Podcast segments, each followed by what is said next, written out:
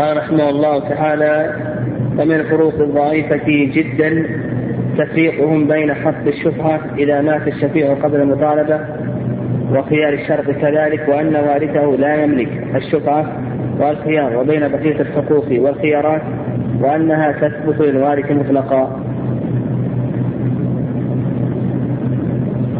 آه، يقول المؤلف رحمه الله هذا من الفروق الضعيفة وهذا الفرق يتعلق بحق الشفعة وحق الخيار. آه، خيار الشرط. مثال ذلك بالنسبة لحق الشفعة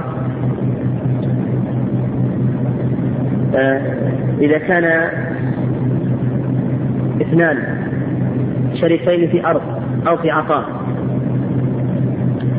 ثم باع أحدهما نصيبه فإن الشريك يثبت له حق الشفعة مثلا زيد وعمر شريكان في هذا العقار. زيد باع نصيبه على صالح. عمر شريكه يثبت له ماذا؟ حق الشفعة ما يسمى بالشفعة بمعنى أن صالح المشتري الجديد يدفع له الشريك الثمن الشريك يدفع له الثمن ويستقل بكل النصيب.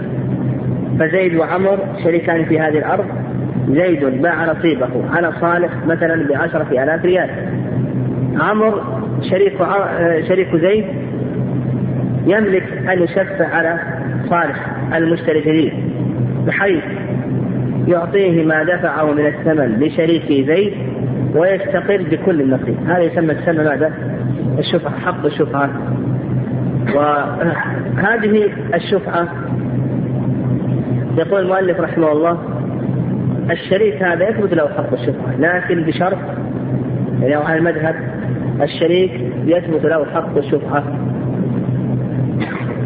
لكن إن مات فهذا فيه تفصيل. إن طالب بالشفعة تثبت لورثته وإن مات قبل أن يطالب لا تثبت لورثته قالوا إن طالب قبل الشفعة ثبتت إن طالب قبل الموت ثبتت لوارثه. وإن لم يطالب لم تثبت لوارثه. فهذا عمر شريك زيد. مات. فهل لورثة عمر أن يشفعوا على صالح المشتري كما أن لمورثهم أن يشفع له؟ هذا المذهب فيه تفصيل. إن كان مورثهم أمر قد بدأ بالمطالبة طالب بالشفعة لهم الأخذ وإن كان لا لم يطالب. ومات قبل المطالبة لا ليس لهم الأخذ ومثله أيضا خيار الشرط. مثله أيضا خيار الشرط. لو أن المشتري قال لي الخيار لمدة ثلاثة أيام. ثم بعد ذلك مات المشتري. فهل لورثته حق الخيار خيار الشرط؟ أو نقول بأنه يسقط. يقول المؤلف رحمه الله على المذهب إن كان المشتري قد طالب يثبت له الحق وإن لم يكن طالب فإنه لا يثبت له الحق لا يثبت لورثته. إن كان قد طالب ثبت لورثته وإن كان لم يطالب لم يثبت لورثته. نعم والصواب في ذلك كما قال المؤلف رحمه الله. نعم يقول والصواب أن الوارث يقوم مقام والده في كل الأشياء هذا هو الصواب. الصحيح أن الوارث يملك الشفعة سواء طالب مورثه أو لم يطالب. وكذلك أيضا يملك ما يتعلق بخيار الشرط من الفسخ أو الإمضاء سواء طالب مورثه أو لم يطالب. هذا هو الصواب في هذه المسألة لأن هذا بالحقوق المالية والتركة تشمل الأموال والحقوق. والله عز وجل يقول ولكم نصف ما ترك أزواجكم. وهذا يشمل ما تركه الأزواج؟ من الأموال والحقوق. ويدخل في الحقوق حق الشفعة وحق الشرط إلى آخره. فهذه حقوق مالية تورث ودليل ذلك كما أسلفنا قول الله عز وجل ولكم نصف ما ترك أزواجكم. وقوله سبحانه ما ترك أزواج أزواجكم هذا يشمل الأموال. والحقوق. فالصواب في هذه المسألة والصواب في هذه المسألة ما ذكره المؤلف رحمه الله وأن حق الشفعة يثبت مطلقا طالب الشريك أو المورث أو لم يطالب ومثله أيضا حق صيان الشرع. قال ومن الفروق قوله قول من الفروق الضعيفة قولهم وله أخذ الجعل على اقتراضه له بجاهه لا على كفالته والأولى المنع في الصورتين لما في ذلك من الأخطار وتفويت مقاصد الورد القرض والوثيقة. يعني صورة المسألة هذه لو قال اقترض لي من زيد ألف ريال وأعطيك عشرة ريال. اذهب إلى زيد وقل فلان يريد منك قرضا قيمته ألف ريال ولك عشرة ريالات. أعطيك عشرة ريالات أو اقترض لي مئة ألف وأعطيك ألف ريال. اقترض لي مئة ألف ريال وأعطيك مئة ريال أو ألف ريال. يقول هذا جائز. طيب الكفالة لو قال ادفن لي.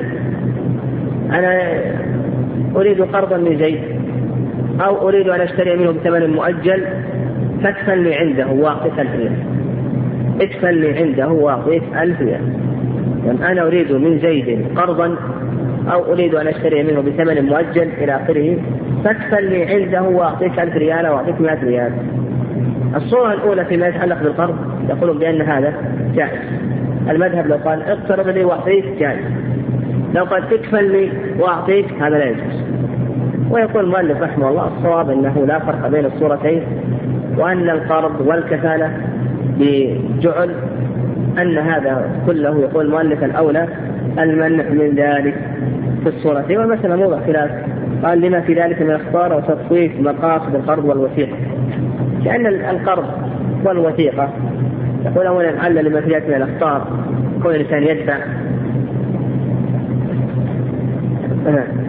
وكذلك أيضا تخصيص مقاصد القرض والوثيقة لأن القرض يراد به الإرفاق والإحسان.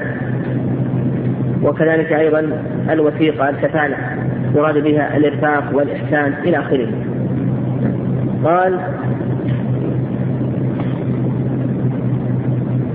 ومن الفروق الضعيفة تفريقهم بين عالية الأرض للزرع وعاليتها للدفن أو السفن للحمل أن له الأجرة منذ رجع في الزرع والصواب الذي لا شك فيه أنه ليس له أجرة في الزرع لأنه الذي أذن له وغره. هذه يقول المؤلف رحمه الله من الطرق الضعيفة تتعلق في إعارة الأرض. قالوا إن أعار أرضه لكي يزرع فيها. فإذا رجع إذا رجع المعير أو أن المعير يملك الرجوع. المعير يملك الرجوع. آه،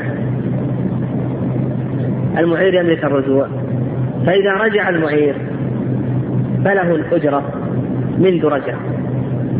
وأما إذا أعارها للدفن فليس له الأجرة منذ رجع حتى يبلى الميت.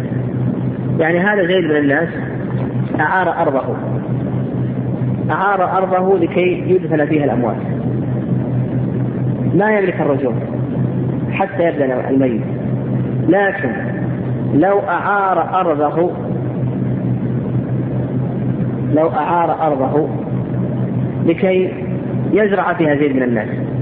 أعارها لزيد لكي يزرع فيها. بدأ زيد بالزرع لما بدأ زيد بالزرع قال رجعت يقول يصح الرجوع ويثبت له الأجرة من إيه؟ من حين رجع. مثلا الزرع يحتاج إلى ستة أشهر. بعد أن مضى ثلاثة أشهر قال رجعت قال رجعت أيضا يقول يثبت له تثبت له الأجرة من حين رجع. نعم والصواب في هذه المسألة كما ذكر المؤلف رحمه الله أنه ما يملك الرجوع.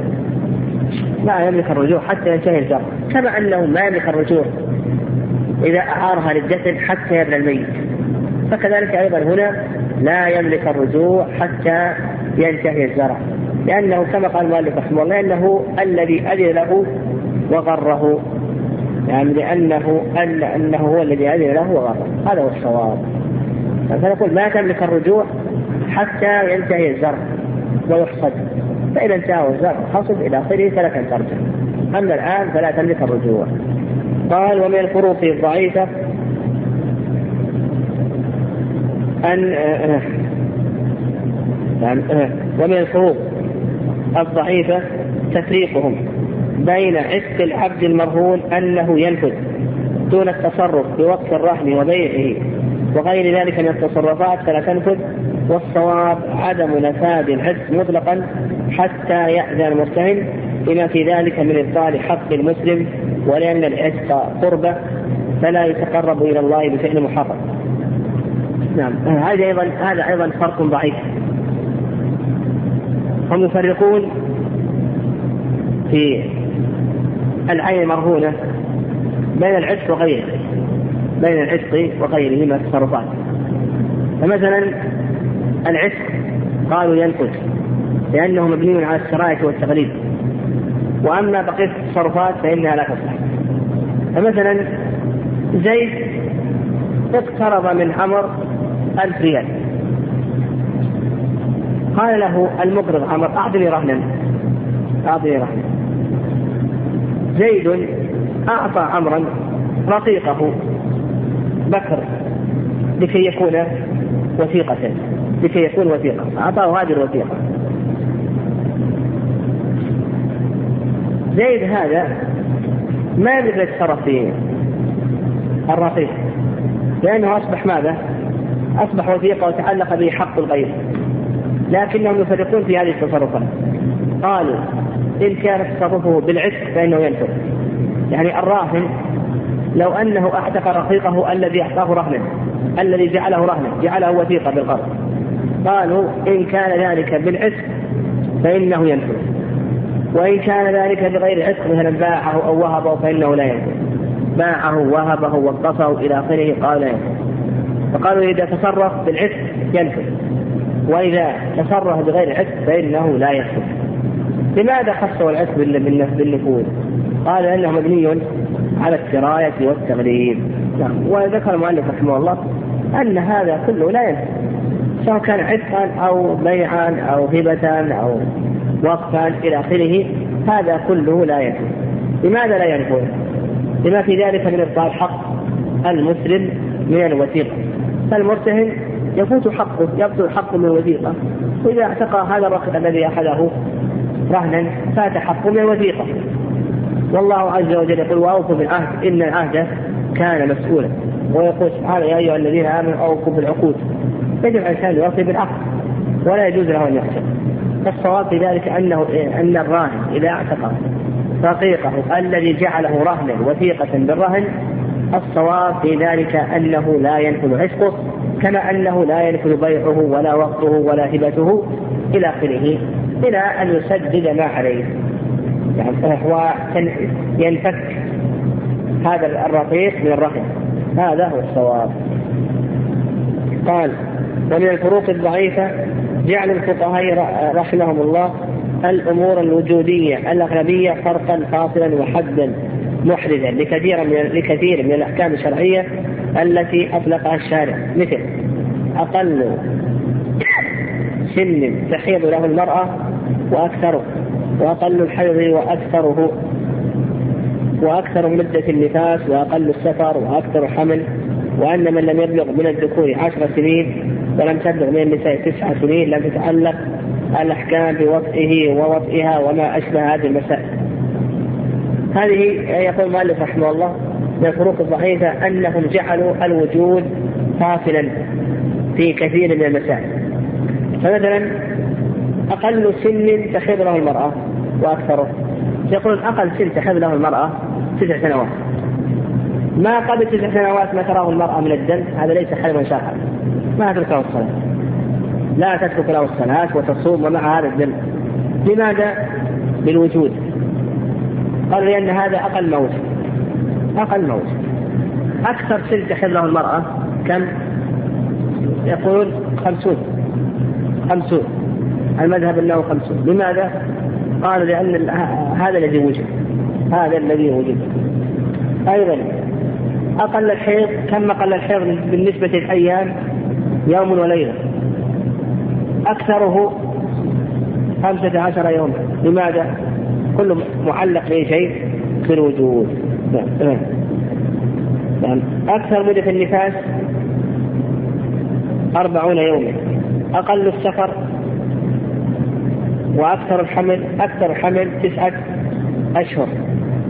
أربع سنوات أكثر الحمل أربع سنوات لأن هذا الذي وجد. يعني أقله ست أشهر وأكثره أربع سنوات. حددوا حددوا أكثر بأربع سنوات لأن هذا هو الذي وجد. كذلك أيضا أقل السفر. حددوه بأربعة أيام. وأن دون أربعة أيام لا يعتبر مسافرا. بالنسبة للمدة إذا كان قصده المدة فحددوها بأربعة برد. يعني ما يساوي 48 ميلا. إلى آخره. المهم يقول هذه الأشياء التي حددت. ما حدد وكان تحديده مرجعه إلى أي شيء؟ إلى الوجود. نعم يعني إلى الوجود. يقول المؤلف رحمه الله كذلك أيضا من لم يبلغ من الذكور عشر سنين ولم تبلغ من النساء تسع سنين لم تتعلق الأحكام بوطئه ووطئها من لم يبلغ. يعني لو أن له لو أن له تسع سنوات وجامع. هذا الجماع هذا ما يترتب عليه أحكام، لا يترتب عليه وجوب الغسل ولا إلى آخره. لا يترتب عليه أحكام، ولا يكون محصنا. لا يكون محصنا إلى آخره. ولا يكون دخل بالمرأة إلى آخره. ولا تجد بهذا الجماع عدة. إذا كان له أقل من ست سنوات. المرأة إذا كان لها أقل إذا كان له أقل من عشر سنوات. المرأة إذا كان لها أقل من ست سنوات وجومعت. هذا الجماع ما يترتب عليه أحكام. لا يجب عليها الغسل. لا يجب عليها العدة. يعني لو طلقها زوجها بعد أن جامعها ولها تسع ولها أقل من سنوات ما يجب عليها العدة. لأن الله عز وجل يقول يا أيها الذين آمنوا إذا طلقتم النساء من قبل أن تمسوهن وهذه لا تعتبر منسوسة ما دام أنها أقل من سنوات وهكذا. هكذا. قال كالمؤلف عاد. تعقب هذا قال وإنما القول المستقيم الذي يدل عليه الدليل وتتناوله النصوص الشرعية بظاهرها تعليق الأحكام بتحقق وقوعها وأنه متى وجد الشيء الذي علق الشارع. الحكم عليه وجب تحقق الحكم الشرعي. وهذا هو الصواب. مثل الحيض. متى وجد مع المرأة؟ نقول يثبت الآن الحكم الشرعي سواء كان لها تسع أقل أكثر. أيضا متى وجد مع المرأة؟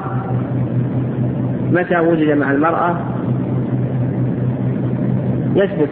سواء لها خمسون أو أقل أو أكثر. تثبت له أحكامه تثبت له أحكامه وهكذا. قال فمتى وجد الدم؟ في أوقاته حكمنا أنه حيض ومتى زاد أو نقص لم يتغير الحكم. نحكم بأنه حيض زاد أو نقص. نقول لا يتعالى لا يتعالى لا يتغير الحكم. الحكم يدور بعلته وجودا وعدما وهذا الأذى الآن موجود. أو هذا الأذى الآن ارتفع إلى آخره. قال ومتى وجد مطلق السفر حكمنا بتعلق الأحكام السفرية عليه كالقصر والفطر والجمع وغيرها. دون أن نقيد ذلك بمسافة ودون أن نقيد ذلك بمدة. بل متى وجد مطلق السفر فإن نرتب أحكام السفر عليه. قال ومتى وجد الحمل وتحقق أو تحقق أنه في البطن لم تزل المرأة حاملة ومحكوما بحملها حتى تضع. ولا نقيد ذلك بأربع سنوات. لا نقيد ذلك بأربع سنوات. كما مثلا ابن القيم. ابن القيم رحمه الله يرى أن أن أكثر حمل لا حد له. لكن آه، الأطباء الآن في الوقت الحاضر يقولون ما يمكن أن يبقى الحمل في البطن. أكثر من العادة المعروفة. عادة معروفة وهي تسعة أشهر عشرة أشهر لا يمكن أن يبقى أكثر من ذلك. قال ولو مضى أكثر من أربع سنين. المهم أن المؤلف رحمه الله يرى أن الحمل لا حد لأكثره كما هو المشهور من المذهب. المشهور من المذهب يرون أن الحملة أو أن أكثر الحمل أربع سنوات. قال ومتى وطئت من لها دون تسع سنين أو وطئ من له أقل من عشر سنين تعلقت أحكام الوطء بهذا الجماع.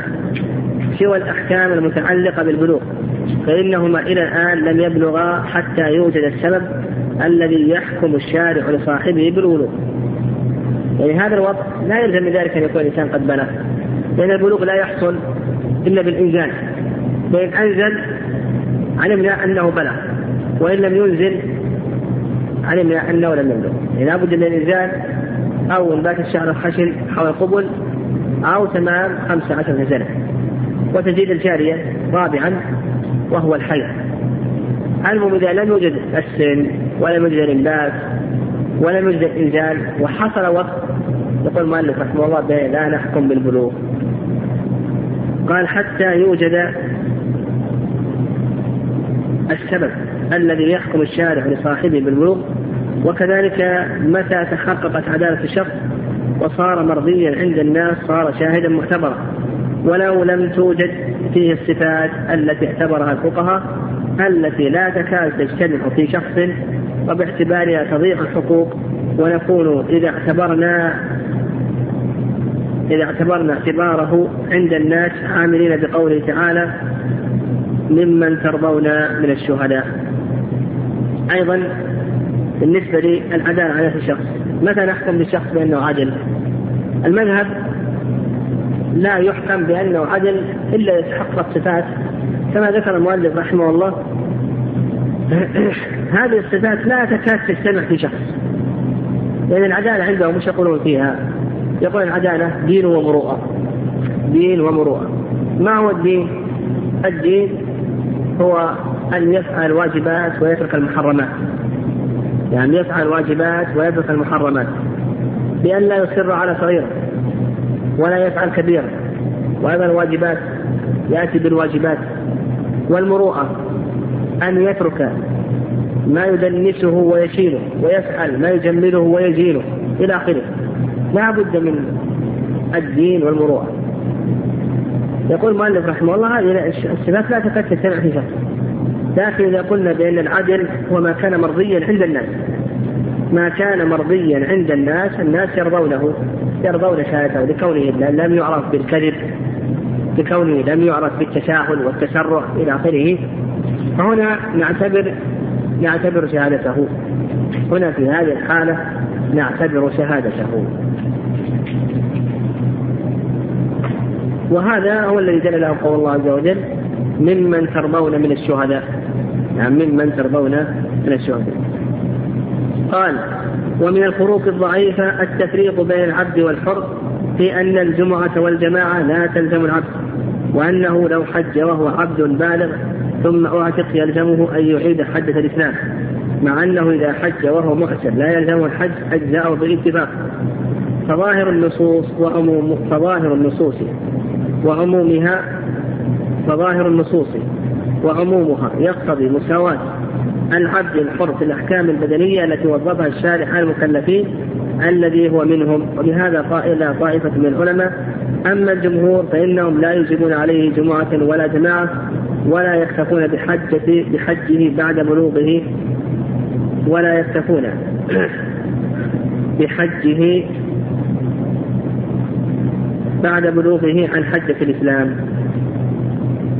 نعم. هذا أيضا من الفروق الضعيفة. الفرق بين الرقيق والحر في الأحكام. وأن المؤلف رحمه الله ذكر قاعدة وأن الأصل تساوي الرقيق والحر في الأحكام البدن أو في العبادات البدنية المحضة. العبادة البدنية المحضة الأصل تساوي. فقول العبادات البدنية يخرج المالية وقول المحضة يخرج المركبة يخرج المركبة. فالأصل هو التساوي بين الأحرار والأرقاء يعني فيما يتعلق مثلا بالجمعة. هل تجب على الرقيق أو لا تجب على الرقيق إلى آخره؟ ما يتعلق بالجماعة. هل تجب على الرقيق أو لا تجب على الرقيق إلى آخره؟ صار في ذلك أنها تجب. الأذان الإقامة إلى آخره. هذه الأشياء الصواب أنها تجب عليه كما أنه يجب عليه يعني الصلاة ويجب عليه الوضوء ويجب عليه الغسل التيمم إلى آخره. له أن يمسح على الخفين إلى آخره. الصواب في ذلك تساوي هذه الأحكام وأنه لا يفرق بين الحر والرقيق إلا لدليل. يعني إلا لدليل يدل على التكليف أما إذا لم يكن هناك دليل فالصواب في ذلك أنه لا يفرق. كذلك أيضا إذا حج. إذا حج هذا الرقيق. وهو بالغ ثم اعتق يلزمه أن يعيد حديث الإسلام. هذا المشهور منه. ذهب المؤلف رحمه الله أنه لا يلزمه. كما أن المعسر يعني الحر المعسر لو حج وهو معسر ها يجزئه ولا يجزئه؟ يجزئه. فكذلك أيضا يقول المؤلف رحمه الله هنا أيضا قال أما الأحكام المالية فالفرق بين العبد والحر ظاهر لأن العبد لا مال له تتعلق به زكاة أو كفارة أو قيمة مدلف أو غير ذلك من الواجبات التي تتعلق بمن له مال والله أعلم. ظاهر فيما يتعلق بالأحكام المالية فيما يتعلق بالأحكام المالية ظاهر. الفرق بين الحر والرقيق لأن الرقيق مال ملكه لسيده. فلا تجب عليه الزكاة ولا تجب عليه الكفارة وقيمة المتلف تلزم سيد سيده. نعم والعلماء رحمه الله يقول تتعلق برقبته معنى أن السيد مخير بين يغرم عنه أو يباع هذا الرقيق ويسدد قيمة ما أتلفه إلى آخره قيمة المتلف وعرض الجناية إلى آخره. قال ومن الفروق الصحيحة التفريق بين الذكر والأنثى في إيجاب الجمعة والجماعة والجهاد البدني على الذكر والأنثى وفي تنصيف الميراث والدية والعقيقة والشهادة واختصاص الرجال بالولايات فهذه الفروق تابعة للحكمة وتعليق الأحكام بسبب أهلية المحكوم عليهم وكفاءتهم وحاجتهم كما أن من الحكمة مساواة الأنثى للذكر في أحكام التكليف والتصرفات والتملكات وغيرها لتساويهما في الأسباب والمسببات. هذا فرق بين الذكر أو فروق بين الذكر والأنثى. فروق بين الذكر والأنثى. الجماعة تجب على الذكر ولا تجب على الأنثى، هذا فرق صحيح. الجمعة تجب على الذكر ولا تجب على الأنثى، لأن الشارع أوجبها أوجب الجمعة والجماعة على الذكر دون الأنثى. الجهاد البدني يخرج الجهاد المالي. الجهاد المالي يستوي فيه الذكر والأنثى. كل منهم يجب عليه الجهاد بماله لكن الجهاد البدني يجب على الذكر دون الأنثى. أيضا من الفروق الصحيحة تنصيف الميراث للذكر مثل حظ الأنثيين. لأن الرجل هو هو الذي له القوامة. وهو الذي تجب عليه النفقات. أما المرأة فليس لها قوامة ولا يجب عليها النفقات. فكان من الحكمة أن يكون للذكر ضعف ما الأنثى كذلك أيضا الدية. وأن المرأة قتلت خطأ الرجل إذا قتل خطأ أو الذكر إذا قتل خطأ ديته مئة من الإبل المرأة على النصف من ذلك. فرق صحيح. العقيقة أيضا على النصف للذكر شاتان والأنثى شاة الشهادة.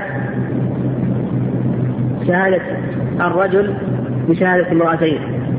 شهادة امرأتين. اختصاص الرجال بالولايات ما يتعلق بالولايات كولاية النكاح إلى آخره. الرجل يختص بها. وقول المؤلف رحمه الله أن اختصاص الرجال بالولايات مثل ولاية النكاح ولاية القضاء ولاية الولاية الإمامة العظمى إلى آخره. هذه يعني ولاية الإمامة في المساجد في الأذان إلى آخره. هذا الذكر مختص به لكن هناك بعض الولايات المرأة تملكها. فيصح المرأة أن تكون ناظرة على الوقت. يصح أيضا أن تكون ولية على أولادها على الصحيح. وهذا موضع خلاف. يصح أن تكون ولية على أموالها. إلى آخره. وهناك بعض الولايات تملكها المرأة. قال فهذه الفروق تابعة للحكمة وتعليق الأحكام بحسب آلية المحكوم عليهم وكفاءتهم وحاجتهم. كما أن من الحكمة مساواة الأنثى للذكر في أحكام التكليف والتصرفات. أيضا التكليف وجوب الصلوات وجوب الغسل من الجنابة وجوب الوضوء من الحدث وجوب التيمم وجوب الصيام والزكاة إلى آخره. يستوي فيه الذكر والأنثى لعدم الفرق. والتصرفات أيضا التصرفات المالية وخذ المعاوضات والتبرعات يستوي فيها الذكر والأنثى. المرأة لها تأخذ عقد البيع لها ترهن لها تأخذ عقد الضمان عقد الكفالة عقد الحوالة عقد الشركة الوقف البيع إلى آخره. فكذلك أيضا كذلك أيضا ما يتعلق بأي شيء كالتصرفات كما ذكر والتصرف أيضا المرأة لا تتصرف التملكات كما أن لها تملك بالهبة تملك بالبيع تملك بالشراء تملك بالوقف تملك صداقة إلى آخره. كذلك أيضا هنا تملكات.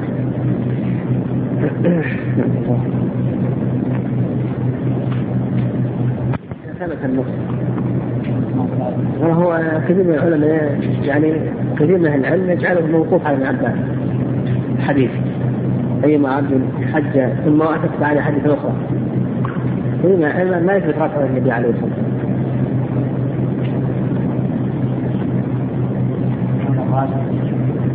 والسلام ها؟ إيش؟ كيف؟ نعم.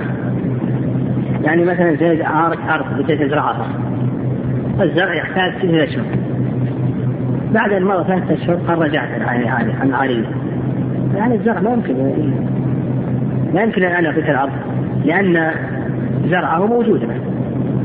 فتثبت الأجرة عليك أيها المستعير للمعين من حين رجع. فإذا جلس الزرع الآن بعد الرجوع ثلاثة أشهر عليك أجرة العرض ثلاثة أشهر. واضح؟ قال المؤلف رحمه الله تعالى ومن الفروق الصحيحة تفريقهم بين إضافة الطلاق أو العتاق ونحوها إلى جزء ينفصل كالشعر والظفر فلا يثبت وإلى جزء متصل فيثبت للجملة كلها ولا يتبعض والمؤلف رحمه الله بأن هذا فرق صحيح يعني إذا أضاف الطلاق أو العتاق إلى جزء ينفصل مثل الشعر والظفر والعرق والروح ونحو ذلك من الأشياء التي تنفصل. فإذا قال طلقت شعرك شعرك طلقت شعرك. أو قال طلقت ظفرك. أو قال طلقت روحك. أو عرقك ونحو ذلك. فهذا يقول المؤلف رحمه الله بانه لا يقع الطلاق. مثله أيضا العتاق لو قال اعتقت ظفرك أو اعتقت شعرك ونحو ذلك يقول المؤلف رحمه الله بأنه لا يثبت العتاق لكن إذا كان الجزء لا ينفصل بل يتصل ف يضاف إلى جملة نعم يقع الطلاق. يقول يثبت الجمله كلها مثل لو قال طلقت يدك. قال لزوجته طلقت يدك أو رأسك أو رجلك ونحو ذلك فيثبت الجملة. يقع الطلاق على المرأة. وكذلك أيضا لو قال لرقيقه أعتقت يدك أو أعتقت رجلك أو رأسك ونحو ذلك مما لا ينفصل بل هو متصل. فيقول المؤلف رحمه الله يثبت الجملة كلها ولا يتبعض. ثم قال لكن قولهم من خلع بعضها وجزء منها لم يصح الخلع. ضعيف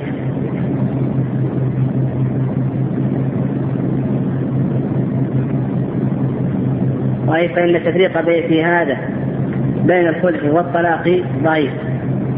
نعم. الخلع هو فراق الزوجة بعوض سواء كان بلفظ الطلاق أو بغيره على الصحيح. نقول الخلع هو فراق الزوجة بعوض سواء كان بلفظ الطلاق أو بغيره من الألفاظ على الصحيح. فإذا خلع بعضها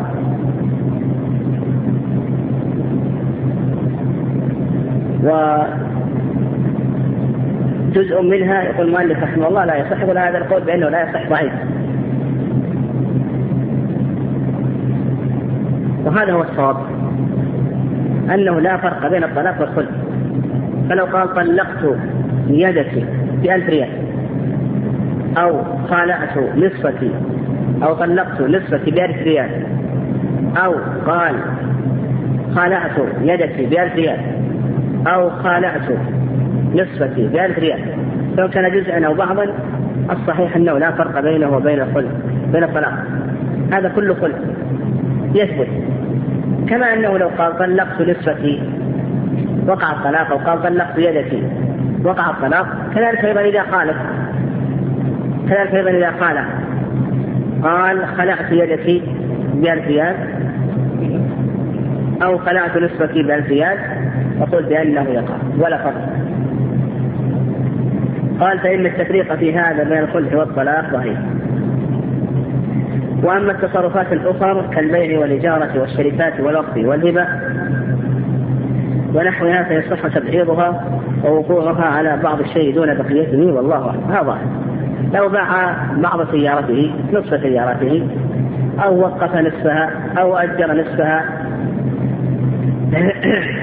نعم أو وهب نصفها ونحو ذلك. من هذه التصرفات يقع البعض.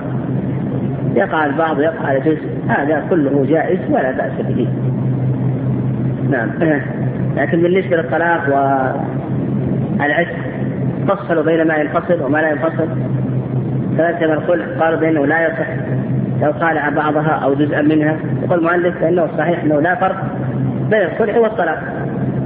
فكما أنه له أن يطلق يد زوجته كذلك أيضا له أن يخلع يد زوجته ويثبت الخلع لجملة. يثبت الخلع للجملة قالوا من الفروق الصحيحة الفروق التي ذكروها بين الهبة والوصية والفروق التي بين العطية في مرض الموت والوصية. الهبة هي التبرع بالمال. أما الهبة هي التبرع بالمال حال الصحة. والعطية هي التبرع بالمال حال المرض حال المرض حال مرض الموت. هذا الفرق بين بينهما. يعني العلماء رحمه الله فرقوا بين الهبة والعطية بأن الهبة هي التبرع بالمال في حال الصحة. وأما العطية فهي التبرع بالمال في حال مرض الموت. هذه العطية. والوصية هي التبرع بالمال بعد الموت. الوصية هي التبرع بالمال بعد الموت. ولكل من هذه الأشياء أحكام تخصها.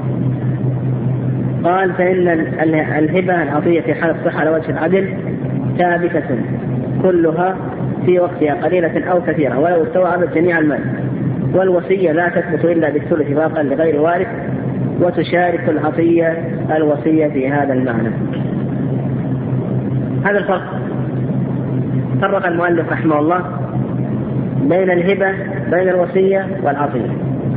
الهبة إذا كانت على سبيل العدل ثابتة في جميع المال. وأما الوصية فإنها لا يثبت منها إلا الثلث إلا إذا جاز الورثة. نقول الهبة إذا كانت على سبيل العدل فإنها تثبت في جميع المال. فلو أن الإنسان وهب كل ماله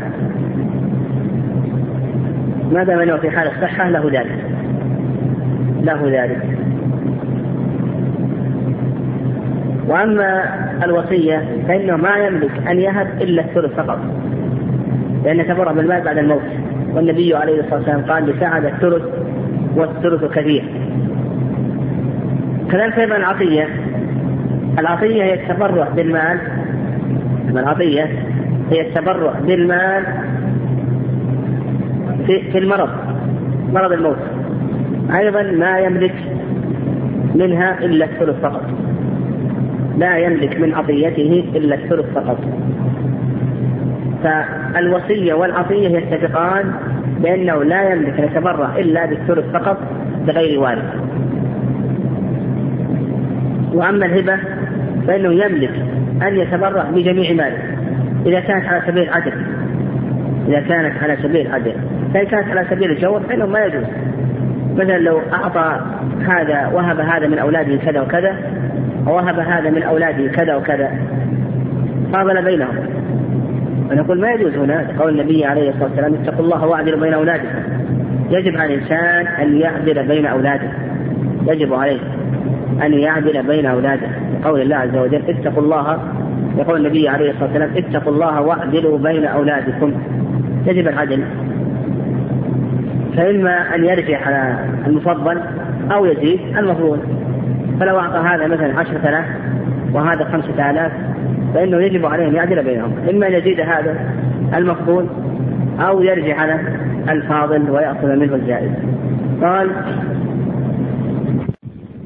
ويقدم فيها الأول في الأول مع التزاحم ولا يملك المعطي الرجوع فيها بعد القبض المعتبر والوصية لا أصبح عندنا العطية والوصية يتفقان في أي شيء؟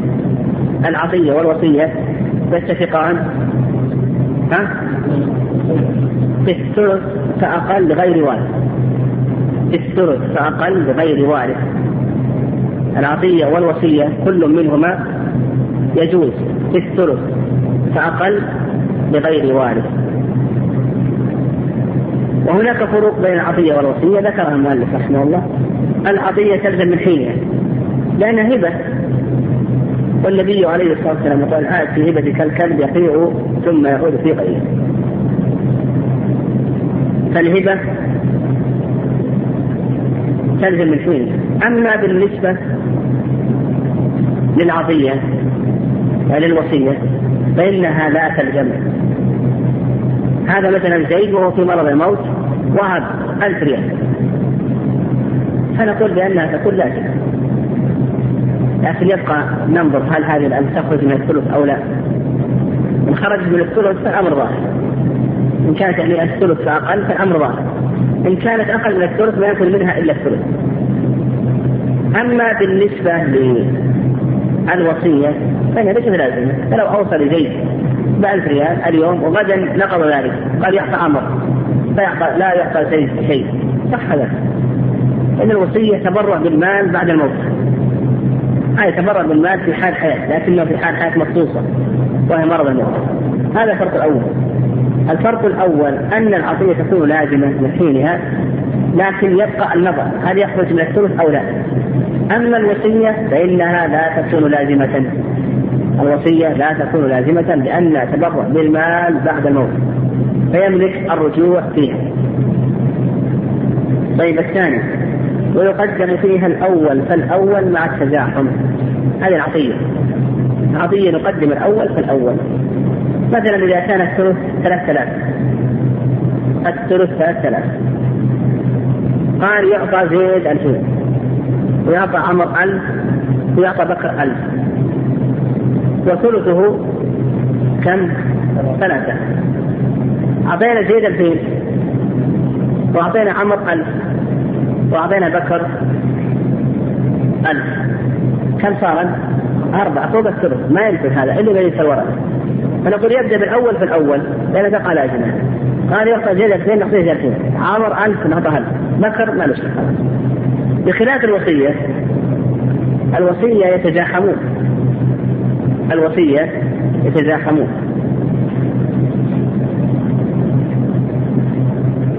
فمثلا في هذا المثال.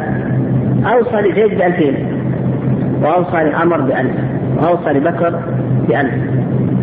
كم الآن مجموع الوصية؟ أربعة ألف يوم أنه مات وجدنا أن الثلث ثلاثة آلاف. هل نقول أن هذا الوصية كالعطية؟ نبدأ بالأول في الأول أو نقول بأنهم يتزاحمون. الرأي الثاني أنهم يتزاحمون. لماذا؟ لأن التبرع بالمال بعد الموت والموت يأتي دفعة واحدة. ما في فرق بين الأول ولا الثاني التبرع بالمال بعد الموت والموت يأتي دفعة واحدة. فنقول بأنهم يتزاحمون كيف يتزاحمون؟ نقول يذكر النقص على الجميع بمقدار النسبة. ننظر إلى مجموع العطايا وننسبها إلى الوصية. ويأخذ كل واحد منهم من وصيته بمقدار هذه النسبة. العطايا كم؟ الوصية كم؟ ها؟ الوصية أربعة ثلاث الوصية كم؟ أربعة ثلاث الثلث ثلاث ثلاث يعني ننظر إلى نسبة الثلث إلى مجموع الوصايا الثلث ثلاثة آلاف مجموع الوصايا أربعة آلاف ثلاثة إلى أربعة وش يساوي؟ ثلاثة إلى أربعة. وش نسبة الثلاثة إلى أربعة؟ ها؟ ثلاثة أرباع. ثلاثة إلى أربعة يساوي ثلاثة أرباع. فمن له ألفان نعطيه ثلاثة أرباع. ومن له ألف نعطيه ثلاثة أرباع. ومن له ألف نعطيه ثلاثة أرباع. فيكثر النقص على الجميع. يعني نقسم عليهم هذه ثلاثة آلاف. ولا نقدم بعضهم على بعض. فالذي له ألف نعطيه ثلاثة أرباع ينقص عليه 250 والذي له ألف ثلاثة أرباع ينقص عليه 250 هذه 500 وكذلك أيضا صاحب الألفين ينقص عليه 500 كم أصبح مجموع ما قسمنا الآن؟ ها؟ ها؟ كيف أصبح؟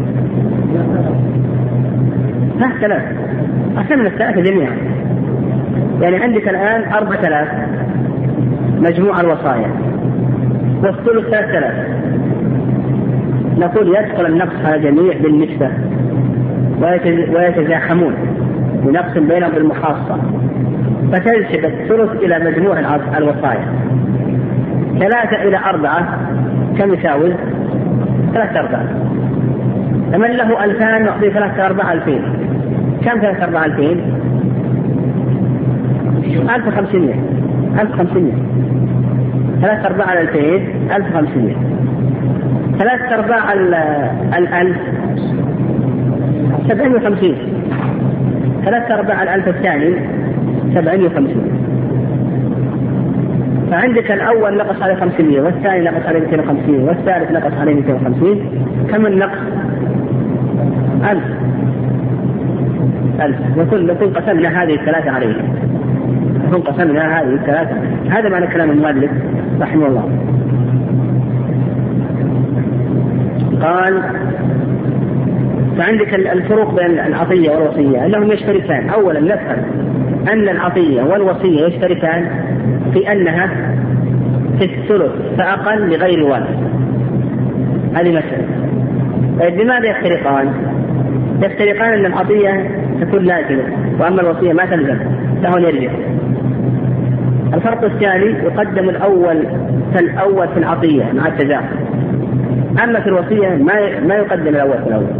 بل يقسم عليه الجميع ويذكر النقص عليه الجميع يتحاصون ويتزاحمون. نقسم بينهم بالمحاصة الفرق الثالث قال ولا يملك المعطى الرجوع. الرجوع فيها بعد القبض المعتبر والوصية لا تلزم ولا تثبت إلا بالموت. في العطية ما يملك الرجوع. وأما في الوصية فإنه يملك الرجوع له أن يغير. له أن يغير وأن يرجع وأن يبطل وما أعطاه لهذا ما أوصى به لهذا في الوصية له أن يوصي به للآخر إلى آخره. قال والوصية لا تلزم ولا تثبت إلا بالموت وله الرجوع قبل الموت ويساوى فيها بين المتقدم والمتأخر. ما نقول نقدم أحد على أحد كالعطية وإنما نساوي بين المتقدم والمتأخر. يساوى بين المتقدم والمتأخر في الوصية. في الوصية يساوي بين المتقدم والمتأخر. وأما في العطية ها إيش الحكم؟ مقدم الأول قال لأنها لا تثبت إلا بالموت وتثبت دفعة واحدة هذه العلة.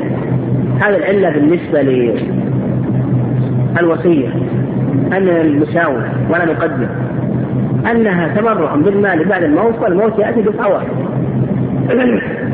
قال وأيضا العطية يثبت الملك فيها يثبت الملك من حينها لكنه من وراءها والوصية لا يثبت إلا بعد الموت. هذا من الفروق.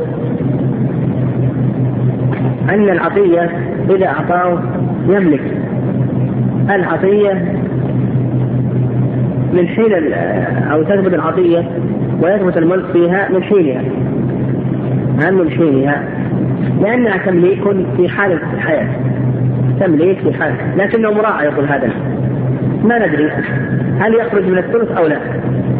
يعني مثلا وهو في مرض الموت قال أعطيت زيد ألف ريال قال زيد قبلت إلى آخره تمت العطية تقول صحيح يثبت الآن ألف ريال لمن؟ لزيد. زيد يثبت له ألف ريال. لكن هذا مراعى ما ندري. قد يخرج من الثلث. قد يموت له 3000 ريال وأكثر. فتكون العطيه صحيحة. لأن هذا الألف أصبح الثلث.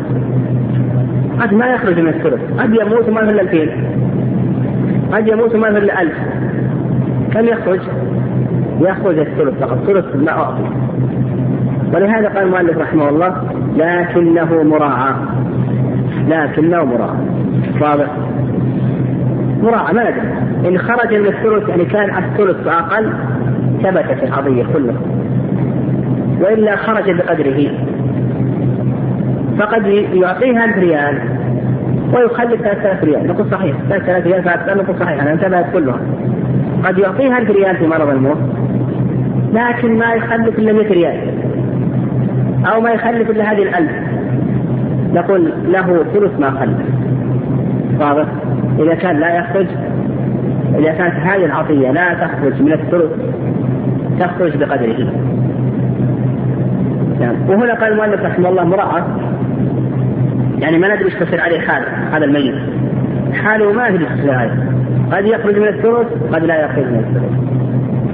إلى آخره. ويترتب على هذا أيضا أن نما نما هذه العطية؟ نما هذه العطية كل من؟ للمعطى لأنها ثبتت له. ثبتت له. لكنه كما تقدم ما يتبين لنا ثبوتها كلها أو بعضها إلا حين الموت. حينما يموت ننظر هل خرجت هذه العطية من الثلث؟ يعني كانت الثلث فأقل فتثبت كلها. وإن كانت لم تخرج نقول لا يفوت إلا بقدرها. فإذا كان ما خلت إلا 2000 نقول له ثلث ال 2000 بس.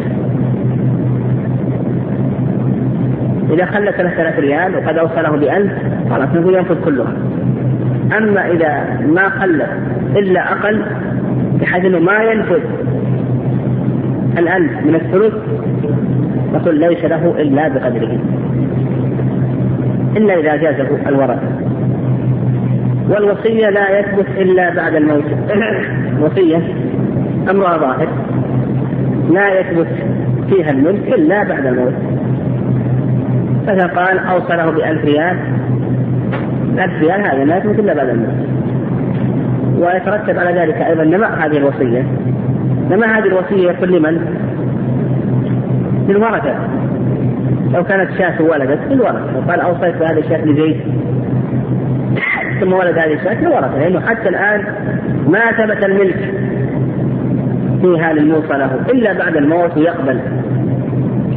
بخلاف العطية فإنه خلاص إذا أعطاه في حال حياة وقبل ولدت الولد يكون للمعطى. لكن هذه تنفذ كلها أو إلى آخره. هذا كما تقدم. يعني. مثل أيضا الوصية. لو أعطاه ألف ريال ننظر هل هذا الألف ينفذ من الثلث فينفذ كله أو بقدره. فإذا كان مثلا أصبح ماله تبين أن ماله ثلاث آلاف. وقد أوصله بألف نقول ينفذ كله. تبين أن المال أقل. نقول ينفذ بقدره. نعم بقدره. قال فهذه ثابتة مبنية على الأصول الشرعية كما هو معروف مفصل. قال ومن الفروق الضعيفة جدا بل الخارقة للإجماع تجويز الفقهاء وقف المريض مرض الموت المخصوص على بعض ورثته بلا إذن الباقين فإن هذا القول هو عين الوصية الوارث الذي نص الشارع على برنامج وأجمع العلماء عليه. أيضا يقول المؤلف رحمه الله من الفروق الضعيفة تجويز الفقهاء وقت المريض مرض الموت المخوف على بعض ورثة بلا الباقين. يعني كونه يوقف على بعض الورثة دون بقية الورثة هذا أجازه المشهور المذهب المشهور المذهب أن هذا جائز. والصواب أن هذا غير جائز.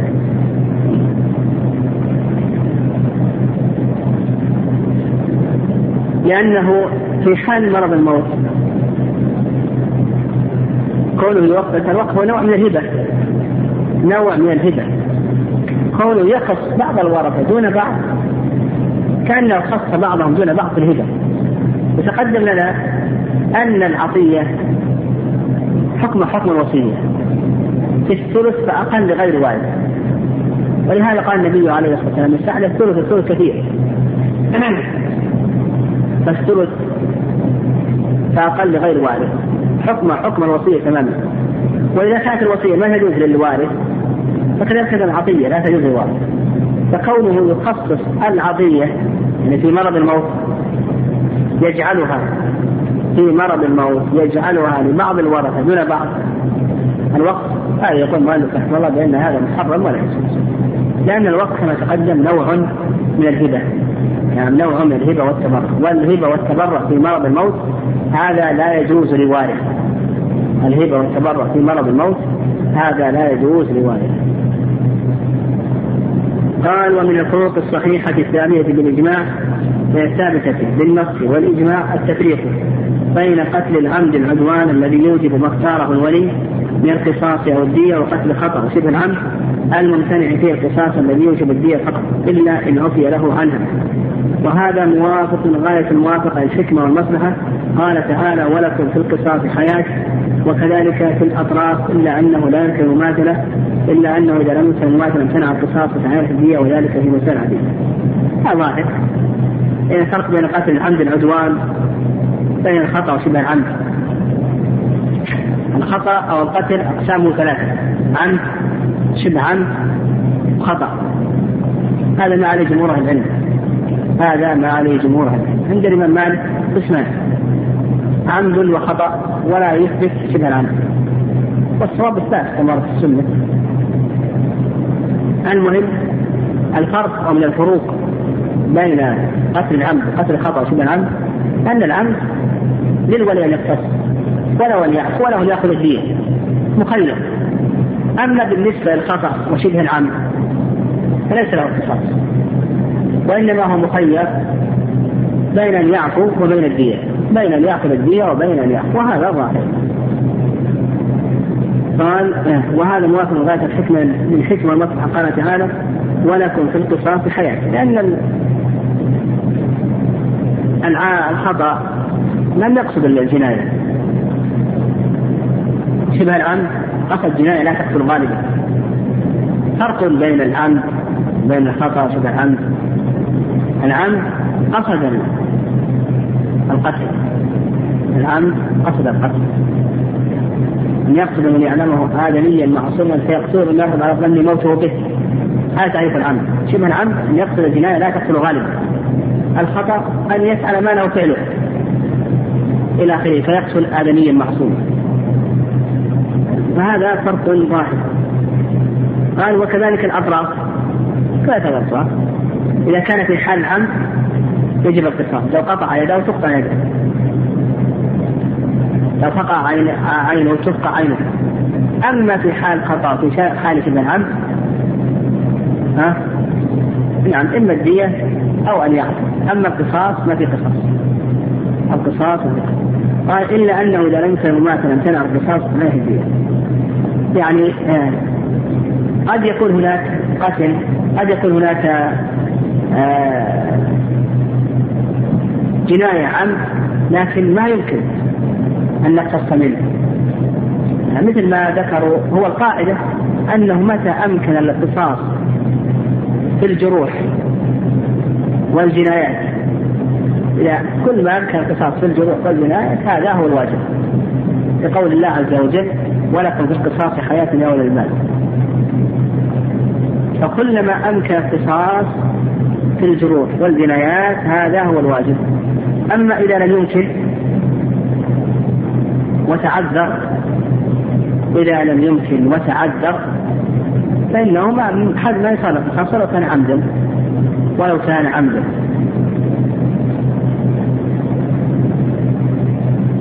فالدية أو أن يعفو. وهذا مثله العلماء مثلا المأمومة. المأمومة أي ما يمكن فيها. يعني لو أنه المأمومة هي الجرح في الرأس بحيث يصل إلى أم الدماء إذا وصل إلى أم الدماء الغالب أنه ما يبقى يهلك. يعني يخرق الجلد ثم العظم ثم خريطة.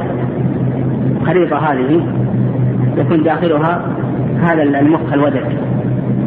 فإذا خرق هذه الخريطة الغالب أنه ما يموت. لكن لو فرض أنه ما مات وبقي. هنا القصاص هل هو ممكن أو أو متعذر؟ متعذر لأن لو قلنا نقتص منه. يخرق رأسه ثم تخرق الخليطة هذا الغالب أنه يموت. يموت. قال ومن الفروق الصحيحة التفريق بين الأعضاء المغسولة في الوضوء فيشرع فيها التكرار والممسوحة كالرأس والخفين والخمار والعمامة فلا يشرع فيها التكرار ببناء الممسوحات على السهولة. ولهذا جعل المسح بالتيمم في بعض عضويه بدلا عن غسل الجميع. أما هذا فرق صحيح الفرق بين الغسل والمسح. أن الغسل يشرع فيه التكرار. وأما المسح ما يشرع فيه التكرار لأن المسح عبادة مخففة. عبادة مخففة فإذا كانت مخففة الشارع خفف في أصلها فكذلك أيضا يخفف في عددها. فكون الإنسان يكرر مسح الرأس ثلاثة كما قال الشافعي هذا فيه نظر لأن أصلا في عبادة مخففة. أيضا يكرر مسح الخفين يكرر مسح الأذنين يكرر مسح الخفين على الخمار. أيضا في التيمم الصواب أنه يكفي ضربة واحدة كما ذهب الإمام أحمد رحمه الله خلافا لجمهور العلماء كما ذكر المؤلف من التفريق بين الأعضاء المغسولة والمنسوحة هذا.